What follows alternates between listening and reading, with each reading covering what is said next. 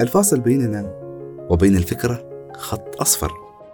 خط أصفر نمشي معه على التوازي حتى نصل لأبعد ما في الفكر وأعمق ما في الإحساس. خط أصفر على جانب الطريق مثلا يحمينا من الخروج عن جادة الطريق أو بكل بساطة هو الشيء الوحيد اللي لازم نركز عليه ونحن نستمع للبودكاست. كثيرة هي الخطوط اللي نتوقف عندها. ودائما نسمع إن في خطوط حمراء لازم ما نتجاوزها. الخط الأصفر عكس ذلك تماما. هو ممتد ليوجه بوصلة الأفكار والأحاسيس إلى الطريق الصحيح. ونحن أبدا ما بحاجة لأن نقطع الخطوط أو نتجاوزها. تماما كما يخبرنا الخط الأصفر. يكفي أن نمضي مع الأشياء بالتوازي. وتبارك الذي خلق الوجود موازيا للكائنات. السلام عليكم. هنالك الكثير من القصص التي غيرت مجرى التاريخ فلم تعد الحياة بعدها كما كانت من ذي قبل. وهنالك أحداث غيرت مجرى التاريخ أيضا ولكن ليس كل التاريخ. تاريخك أنت كإنسان مفرد لكل واحد منا. وقفات تغدو حياته من بعدها مختلفة تماما عما كانت من ذي قبل. وحلقتنا اليوم وإن كانت تأتي في ظرف عام يشترك فيه كل العالم إلا أننا نتناولها من زاوية الإنسان الواحد.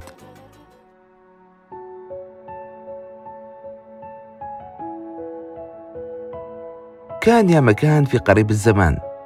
كان أن خرج شاب يجر حقيبة السفر هاربا إلى أرض الوطن. نعم هاربا وليس في ذلك عجب في هذه الأيام. التفت قبل الخروج إلى شقته الصغيرة التي ترك بها ما لم يستطع أن يحمله معه. تركها على أمل العودة في وقت ما لا يعرفه هل سيكون قريب أم بعيد لكنه قال في نفسه أنه غالبا سيعود. وعلى عكس العادة ترك الحقيبة متوسطة الحجم والتي كان يسميها بينه وبين نفسه شنطة الهدايا لأن خروجه هذه المرة كان سريع. بحث خلال يومين عن أول تذكرة متوفرة وجهز أغراضه حتى قبل لا يتأكد إنه في تذكرة. فالفكرة كانت الهروب ولا شيء غير الهروب. بعد أن سمع تصريحات لمسؤول حكومي كبير في الدولة التي كان يدرس بها الدولة التي كان يسميها العظمى الدولة التي كان حين يعود إلى أرض وطنه في الأجازات يتحدث عنها بضمير الانتماء إليها. فيقول والله عندنا الوضع هناك مختلف عنكم. ما أدري أنتم كيف متحملين. كان تصريح المسؤول الحكومي في تلك الدولة واضح. قد لا تسعفنا الظروف والطاقات الاستيعابية لتقديم الخدمات الصحية إلا لمواطنينا. لذلك يفضل للزوار والمقيمين العودة إلى بلدانهم.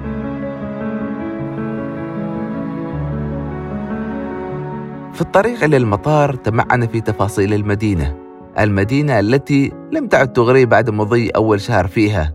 لم يعد يدقق في المساحات الخضراء ولا في نظام المواصلات المتطور بل ولا حتى في وجوه الناس الذين أحرجه كثير منهم بالسؤال خير في حاجة؟ طبعا قالوها بلغتهم. كان في طريق الهروب إلى الوطن يستذكر الحوارات التي دارت بينه وبين الزملاء عن التهويل الإعلامي للوباء الذي بدأ ينتشر. تذكر التحول السريع الذي حدث من السخرية إلى التهويل ثم الهروب. أحس في نفسه بشيء من الحزن تجاه الطريقة التي يخرج بها عائدا إلى وطنه وأحس أيضا بالحاجة الملحة للشعور بالأمن والأمان تلك التي لم يفهم معانيها كما يحدث اليوم في هذا السفر.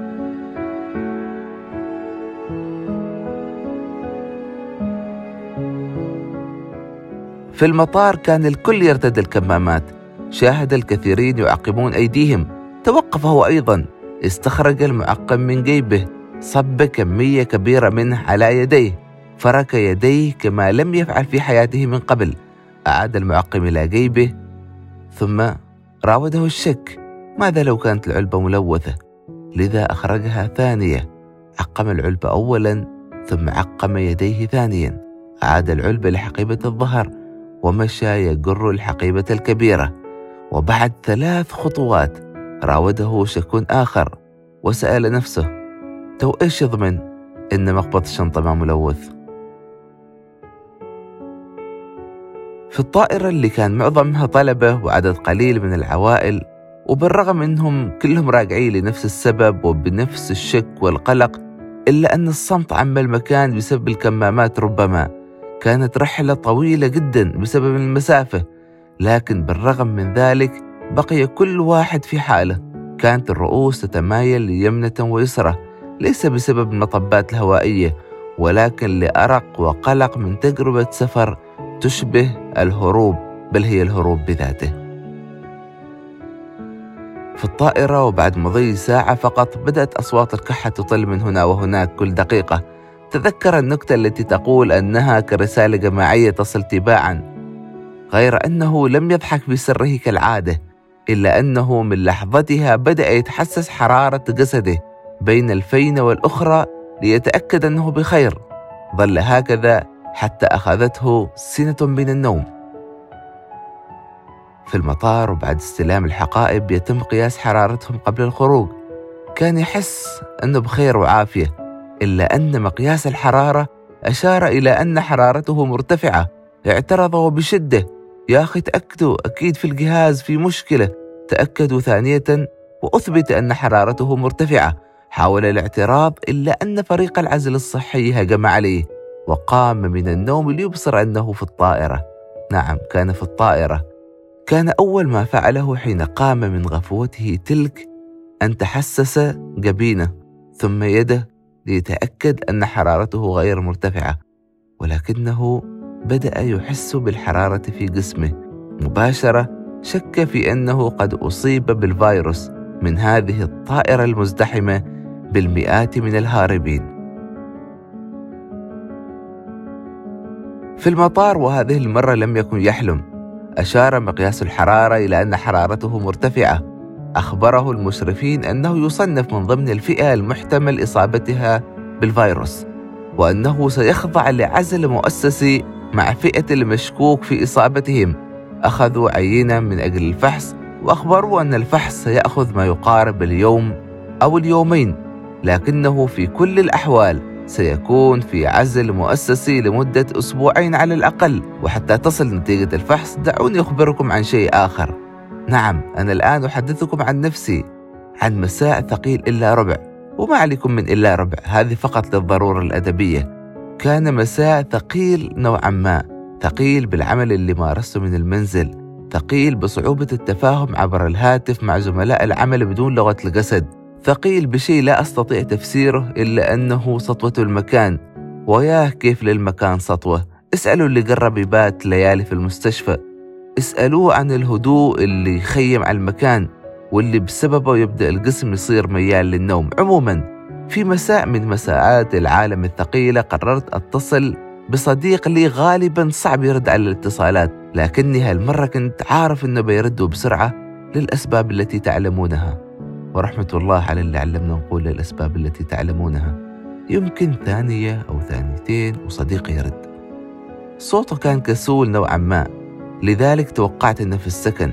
السكن التابع لمقر العمل وأنه جالس. وما بقول جالس ملان لأنه صديقي هذا عنده الكثير الكثير ليفعله والناس غالبا وفي هالزمان عندهم خطط مؤجلة كثيرة. ومن الصعب جدا أن الواحد يكون فاضي وما عارف إيش يسوي. لكن وللأسف لما نحصل وقت إما أننا ننسى القائمة الطويلة من المهام الغير المنجزة أو أننا نصاب بكسل وفقدان الحماسة لعمل الشيء. وهذه ليست مشكلة أبدا. هي مجرد حواجز واهية لمن أراد أن يكسرها في ثانية وبقرار سريع. بعد التحية والسلام وبعد العلوم والأخبار السريعة سألني صديقي سؤال. إيش اللي يصير في العالم؟ كنت أعرف مقصد السؤال وبالرغم من عمومه كنت أصلا عارف أننا سنتحدث عن هذه المشكلة عن ما يعانيه العالم اليوم. ولكن ما الذي يعانيه العالم اليوم؟ المرض؟ الخوف؟ القلق؟ التباعد الاجتماعي ربما؟ وبدرجة أقل ربما الشعور بقرب النهاية العالمية بل وربما أشياء أخرى أكثر من ذلك بكثير أشياء أكثرها تتشابه حين يبدأ الحديث عنها يحكي عنها شخص في مشرق الأرض فيجدها شخص آخر في مغربها تحكي عنه تراود أحدنا فكرة عن وسواس التعقيم فيصله فيديو يحكي نفس المعاناة حين يغسل يديه فيشك بعدها أن الباب غير معقم. يترك الباب مفتوح ليعاود غسل يديه ثم لا يعرف كيف يغلق الباب برجله. ومهما تكن قصة كهذه مبالغ فيها لكننا وكل على حدة نمر بلحظات من الشك. الشك الذي حين يجتمع مع الخوف يفتح طريقا للوسواس وهذا المثلث المرعب من الشك والخوف والوسواس مخرج شاطر للكثير من السيناريوهات لعل أصعبها مسلسل الفراق والفقد ولعل أتعسها فيلم نفاذ السلع الغذائية والأمر ليس مزحة. لذلك شاهدنا الطوابير تصطف في أماكن التسوق في بعض دول العالم. وحتى لا أنسى سأعود للحديث عن الاتصال بيني وبين صديقي. والسؤال ما الذي يحدث للعالم؟ لم يكلفني سؤاله الكثير من الجهد حتى أجد الإجابة ولعدة أسباب. أولها أنني سمعت الكثير الكثير من خلال وسائل الإعلام عن الوضع العالمي بل وصرت شاهد على عالم الصغير الذي أعيش فيه منذ أيام وأكثر من ذلك رأيت تحولا كبيرا في العالم من خلال وسائل التواصل الاجتماعي. صارت الناس تلتفت لأشياء لم يكونوا يلتفتوا لها إلا سريعاً. تطرح سؤال في الانستغرام مثلا فتأتيك ردود كثيرة. تطرح سؤال يكاد يكون من الاستحالة أن يجيب عليه أحد. لكنك تشوف الناس تحاول وتبحث عن الإجابة. بل وأكثر من كذا تنزل مقال طويل. وتجد أنه في أحد يقرأ بعد ما كانت الناس تعودت تمر سريعا على الصور. وأكثر من ذلك بكثير كم مراجعات الكتب اللي تشوفها هنا وهناك؟ هذا غير عن الهوايات والمواهب اللي ما سمعت عنها. مسبقا. وهذا كله يحدث للعالم لسبب ما. ربما يكون توفر الوقت اللي هو هو ما تغير لكن ربما تكون الطريق قد تغيرت الطريق الذي نمشي عليه. وهنا اسمحوا لي أتفلسف شوية. فأنا ما زلت أنظر إلى هذا الوقت على أنه مجرد خدعة اخترعها أحدهم. قال لنا أن العمر سنين وأن السنين شهور وأيام. وأن اليوم ساعات وثواني فبقينا غارقين فيه بل وبقينا نلهث خلفه لسنوات ولكننا لم نكن إلا ندور في دائرة لا نكاد نغادرها حتى نعود لنقطة الصفر. وما الذي يمضي؟ نقول العمر. وهل العمر وقت؟ أم أنه رزق نستنفذه كله قبل أن يحين موعد المغادرة؟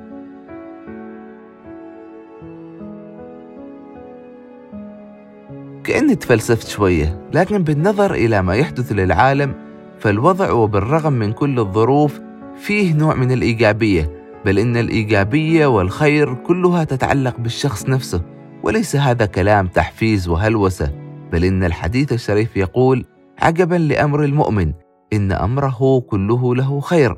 الحديث الذي يحفظه الجميع الحديث الذي لا يضع النقاط على الحروف بل يوجهنا للطريقة الصحيحة التي نضع بها النقاط على الحروف فحتى يكون الواحد منا صادق الإيمان عليه أن يوجه كل نوائب الدهر لطريق الخيرية.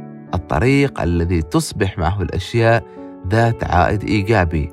أما عن ما الذي يحدث حقا فهو فيروس صغير لا يرى بالعين المجردة. فيروس كروي الشكل له أذرع كثيرة تحيط به. لونه أخضر وكل هذه الصفات شاهدناها عبر صور انتشرت للفيروس لكننا لم نشاهده شخصيا عبر المجاهر المكبرة. الأمر الذي يدفعنا للتشكيك أحيانا والتشكيك قد يكون عن علم ولكنه غالبا يكون عن جهل. عموما فيروس يصيب أحدهم. يقال أنه أكل خفاش يقال والعهد على القائل. لكن الذي يحدث للعالم أمر أكبر من ذلك بكثير. مدن تغلق بأكملها تحت الحجر مطارات تتوقف. حدود دول شقيقة وصديقة تغلق تدني في أسعار النفط انهيارات اقتصادية والأكبر من ذلك قادة دول ووزراء يخرجون على الملأ ليعلنوا تفشي الوباء بالدموع. نعم بالدموع. الفيروس الذي أصاب كل أحد ولم يستثني أحد لا على مستوى الأمم والشعوب ولا على مستوى الأفراد بطبقاتهم المختلفة والسؤال الذي يتكرر ما الذي يحدث للعالم؟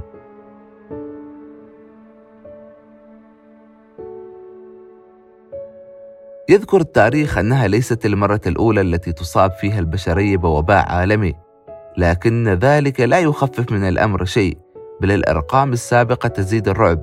20 مليون حالة وفاة قبل 100 عام حين انتشرت الإنفلونزا الإسبانية. لكن الأمر اختلف الآن. نحن في زمن التقدم العلمي الزمن الذي تطورت فيه العلوم والتقنيات بشكل غير معهود. زمن أصبحنا نتحدث فيه عن الثورة الصناعية الرابعة. لكن لحظة لحظة. يبدو أن أحدا لم يتحدث عنها خلال الأيام السابقة. توارت في مكان ما ويمكن أخذت أجازة سنوية. اليوم يقف العالم في محاولة فقط للتصدي لهذا الوباء. ونحن في زمن التطور العلمي والحلول الخارقة للمعضلات الصحية. لكن هنالك دائما رسالة. وهنالك دائما آية يبعثها الله للبشرية بما يناسب أهل الزمان وهذا الوباء آية من آيات الله الكبرى. فقط تحتاج لقلب كقلب الذي قال عنه الله لقد رأى من آيات ربه الكبرى والرسالة والإعجاز ليس لتحبيط البشرية بل لتوجيهها لمكان من الخلل العملية والإنسانية. فاليوم يقف العالم ككل أمام هذا الوباء للتصدي له وللتعلم من دروسه وعبره. ما الذي يحدث؟ الكثير الكثير من الأحداث والتفاصيل يخلقها هذا الكائن المقهري الكثير الكثير من التحولات الجوهرية في الحياة الاجتماعية والاقتصادية بل أكثر من ذلك حتى السياسية. يذكرني حدث كهذا بأثر الفراشة. وكيف بالإمكان أن يغير كائن بسيط حياة الأرض كلها؟ بل كيف يجب أن لا يستصغر المرء أي فعل يقوم به لأنه جزء من منظومة متكاملة تؤثر وتتأثر. وهذا ما ينادي به مثلا دعاة المحافظة على البيئة والمناخ. وهذا ما يتضح وبقوة في لا تحقرن من المعروف شيء. هذا يرجعنا للأصل لما هو أبعد من الماديات. لكيف ستغير ابتسامتك أنت حياة شخص آخر؟ أو كيف ستتسع دائرة الكلمة الطيبة لتعبر القلوب فتتسع كموجة كبيرة. نعم هذا هو أثر الفراشة. تخيل لو أن فراشة واحدة لم تضرب بجناحيها. لو أن موجة هوائية لم تتحرك. لو أن خلية واحدة في جسدك انشطرت. لو أن كوكبا واحدا خرج عن مساره. لو أن ثانية واحدة سقطت من الوقت. تخيل كيف أن هذا لا يحدث. وأن الكون كله يسير بنظام دقيق. ومن دقته أن فيروس يصيب مئات الآلاف على الأرض فيتغير شكلها ونظام الحياة فيها. تخلو الشوارع وتزدحم منصات التواصل الاجتماعي بمئات بل وآلاف الأحاديث. وهنا سأعود بعد قليل. نعم برز دور وسائل التواصل الاجتماعي بشكل كبير في أيام الحجر. كانت الملجأ وكان التواصل عبر الشبكات المنقذ للكثير من الأعمال بل وتغيرت الكثير من الأنماط الاجتماعية. حاول بعض أن يركب الموجة لزيادة عدد المتابعين واستقلاء مشاعر الناس لكن الغلبة كانت دائما لأصحاب التخصص. عاد الترتيب ليكون الحضور البارز للطبيب أو المختص في المجال الصحي. برز عدد كبير وأسماء لم تكن تعرف خرجت للنور تجارب دول أخرى. وخرجت للظلام مأساة شعوب بكت بكاء جماعي.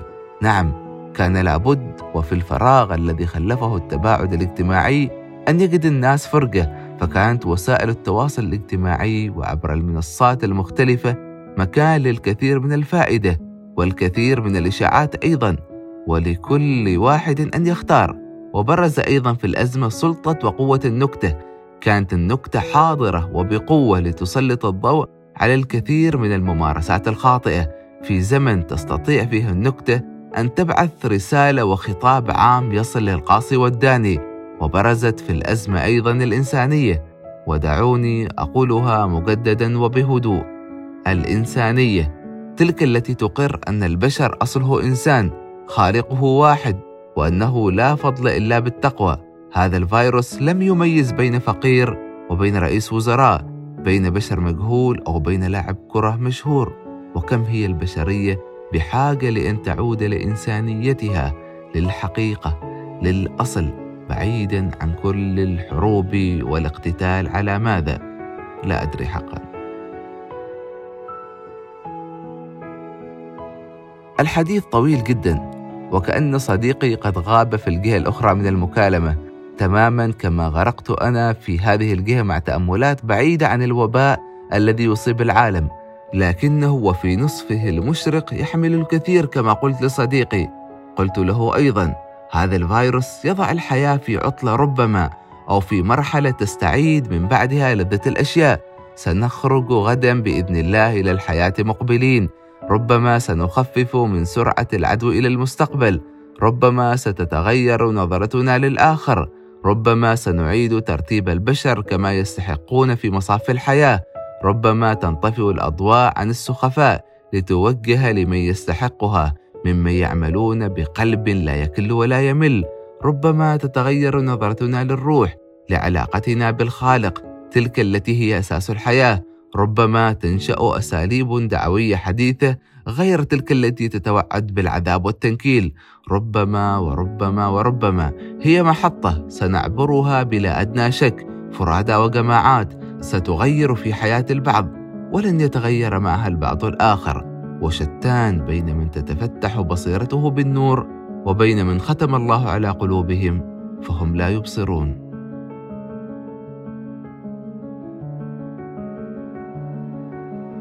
عودة إلى قصة العائد من السفر. كان في الفندق يرسل نظره للمدينة من نافذة الفندق خمس نجوم مكان الحجر المؤسسي الفندق الذي لم يسبق له أن سكن في واحد بمستواه. مرت 23 ساعة عشاء البارحة في مكانه لم يتجرع على تذوقه حتى. يسمع طرقا على الباب يجر خطاه خائفا من النتيجة يتخيل لو أنه مصاب. لو أن حياته تنتهي من سيهتم لموته بين عشرات الآلاف؟ سيكون مجرد رقم يضاف إلى الإحصائيات سيرتفع الرقم بمقدار واحد. وكم هي المصيبة أن يكون مجرد رقم؟ كيف له أن يخبر العالم أنه بشر إنسان وأن الإنسانية لا تحسب بالرقم يفتح الباب وقلبه يكاد ينخلع. يبصر خلف الباب صينية عليها فطور الصباح فيرد على حاملها شكرا ما أريد فطور. يعود ليجلس في الكرسي. يكمل التفكير في أن حياته ليست رقم وأن كل بشر عزيز أمام نفسه. كل بشر يشعر أنه مركز الكون وكل شيء يدور من حوله. لكنه يعود ليقول ويسأل نفسه تو إيش اللي يصير في العالم؟ كانت هذه الحلقة الرابعة من بودكاست خط أصفر واللي سجلناها في البيت نظرا للظروف الراهنة والتزاما بقانون الحجر الصحي والتباعد الاجتماعي. وعلى طار الخط الأصفر حقيقة اشتقنا نطلع للشوارع ونسمع البودكاست في السيارة ونتأمل الخط الأصفر الخط اللي نمشي معه على التوازي حتى نصل لأبعد ما في الفكر وأعمق ما في الإحساس.